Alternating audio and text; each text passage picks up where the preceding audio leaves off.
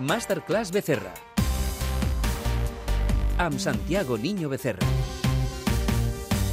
És l'hora del realisme, el revolució, el realisme econòmic de Santiago Niño Becerra. M'he enamorat al supermercat, puja la calor, la secció del congelat. M'he enamorat... al D'entrada comencem amb una sèrie de tuits del Santiago. Fa uns dies destacaves que continua el Carpe Diem, tot i que els ingressos de molta gent baixen. Llegeixo textualment, Santiago. Penso que part de la població ha entrat en un túnel perillós perquè la inflació seguirà i els tipus no cauran. En què penses, Santiago? Què tal? Què tal, Chantal? Bona nit. Bueno, eh, això, això sembla la història interminable, perquè jo, jo recordo mm, que quan van començar a pujar els tipus a, a, a Europa a mitjans del 2022, al juny, juliol del 2022, mm, deien de que, bueno, de que això era per un tema puntual eh, provocat per la inflació i que ja el 2023 començarien a baixar i això mm, ho han anat, enredarint i el vicepresident del Banc Central Europeu, el senyor De Guindos, l'altre dia va dir que, bueno, que fins a final del 2024 mm, no començaran a baixar els tipus. Eh, llavors, mm, si per una banda passa això i per altra banda eh, la, la població està gastant en oci i els crèdits al consum han pujat un 8%, eh, malgrat de que la tassa TAE, la tassa TAE d'un eh, un crèdit al consum ja està lliscant al 13%, home, això és molt preocupant, Chantal, molt preocupant. Ja. I aquesta altra frase també m'espanta, perquè dius, veure els bars a vessar i les carreteres col·lapsades els caps de setmana no és positiu. Mm, caldria que tots plegats fóssim més prudents? Què vols dir, també? Home, evident, evidentment que caldria, perquè és, és el que t'estic dient, és a dir, mm, el salari real, eh, és a dir, mig no està pujant. No, no estic pensant, perdona, d'empreses en concrets ni de treballadors en concrets, eh? Eh, Estic, estic pen- pensant en termes mitjans. Uh -huh. En termes reals, amb la inflació que hi ha, mm, és a dir, ha hagut una pèrdua de poder adquisitiu i ara, mm, eh, és a dir, no s'ha recuperat aquesta, aquest poder adquisitiu perdut. Si, si per altra banda, en oci, perquè bàsicament és oci, eh? Mm, mm, eh, fa pocs dies sortia un, un, un informe, no recordo on, on ho vaig llegir, les, els carrers comercials de les, de les ciutats espanyoles, eh, eh, en els carrers comercials, eh, el tràfic peatonal ha pujat, però les entrades en botigues no han pujat. Eh, llavors, què vol dir? Que la gent, passe, la gent passeja, però el consum no ha pujat. I, però, i, I el consum que està pujant és en oci, és a dir, un consum immediat, buscar una satisfacció immediata, eh, encara que sigui a base de crèdit o desestalviant, home, això és perillós. I, I sí, sí, caldria que la població fos més prudent, sí. Mm -hmm. El Carpe Diem que tu dius eh, em recorda una filosofia eh, que comença a estar molt de moda entre la gent jove i que n'havíem parlat aquí, eh, també, amb Mm. tu, el YOLO, eh? eh Sí. You only live once, és a dir, només vius una vegada, i això tots ho sabem, eh? només vivim una vegada, cal aprofitar la vida, cal viure intensament, és a dir, que cal arriscar, si cal arriscar, arrisquem, però intentem viure el millor possible. I que això ho facin els joves mm, és, és, ja és habitual, no?, també?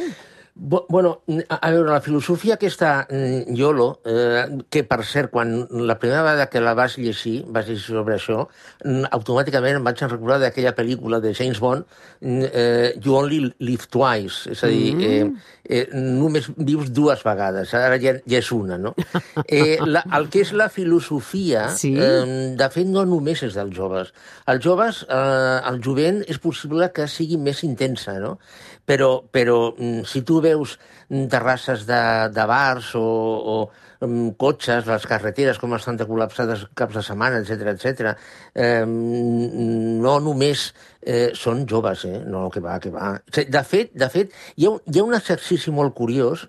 Si vas a un restaurant... Eh, Perquè la gent després de la pandèmia sempre ha tingut més ganes de sortir, no?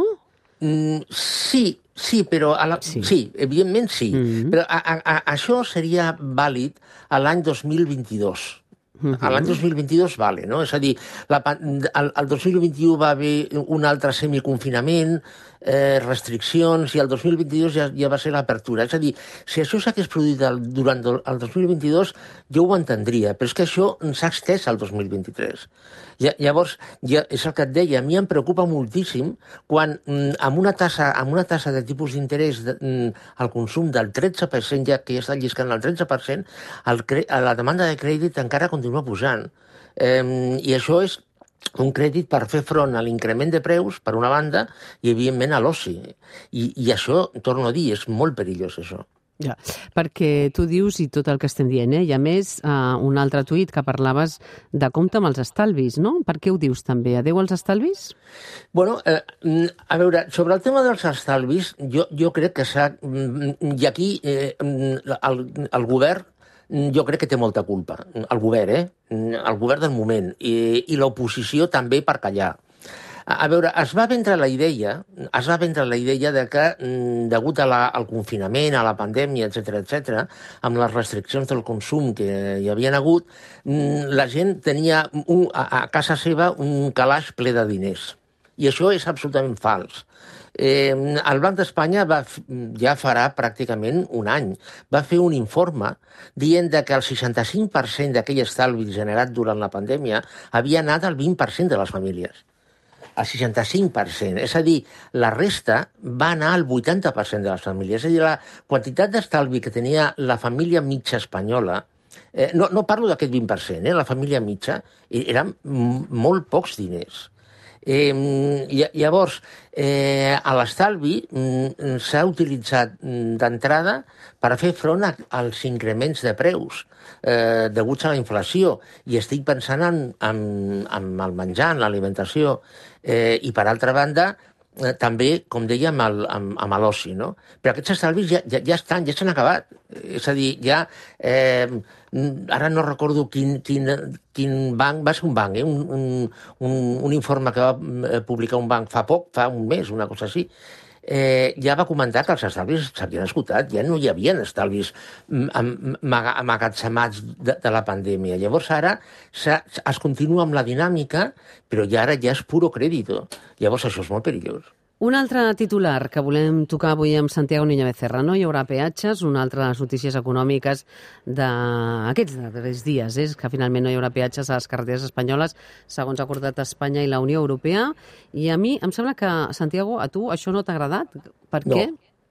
Bueno, jo, jo, a, a veure, és que després comentarem per què, no? Però, a, a veure, eh, informes, eh, informe acceptat acceptat per al govern, eh? O sigui, important això. Informe acceptat, acceptat per al govern.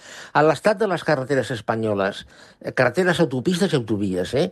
eh és tan, tan baix, tan, estan tan degradades que ara caldria posar damunt de la taula 9.000 milions d'euros per eh, restablir mm, un estat normal. I cada any eh, les carreteres espanyoles necessitaran, o necessiten entre 3.500 i 4.000 milions d'euros per eh, mantenir aquest, aquest, el, a l'estat a l'estat d'utilització correcta. Eh? I, I parlo del, del mm, paviment, parlo de les senyalitzacions, dir, eh, etc etc. És a dir, no és construcció de nova carretera, eh? és manteniment. Bé, eh, en teoria, aquesta tassa d'utilització de eh, carreteres, que no sé per què es diu peatge, peatge té altres connotacions, eh, que eh, eh, es vol implantar tota la Unió Europea, és perquè siguin els usuaris eh, els que paguin eh, la, el manteniment.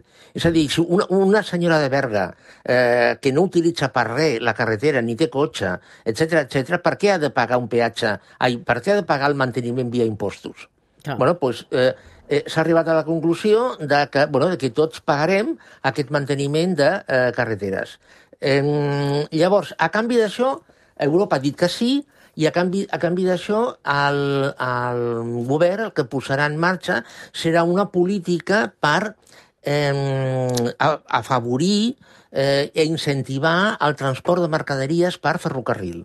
El qual està bé, perquè Espanya, mm, Espanya, Espanya té una de les tasses més baixes de tota Europa de mm, transport de mercaderies per eh, mm, ferrocarril, només el 6,5%.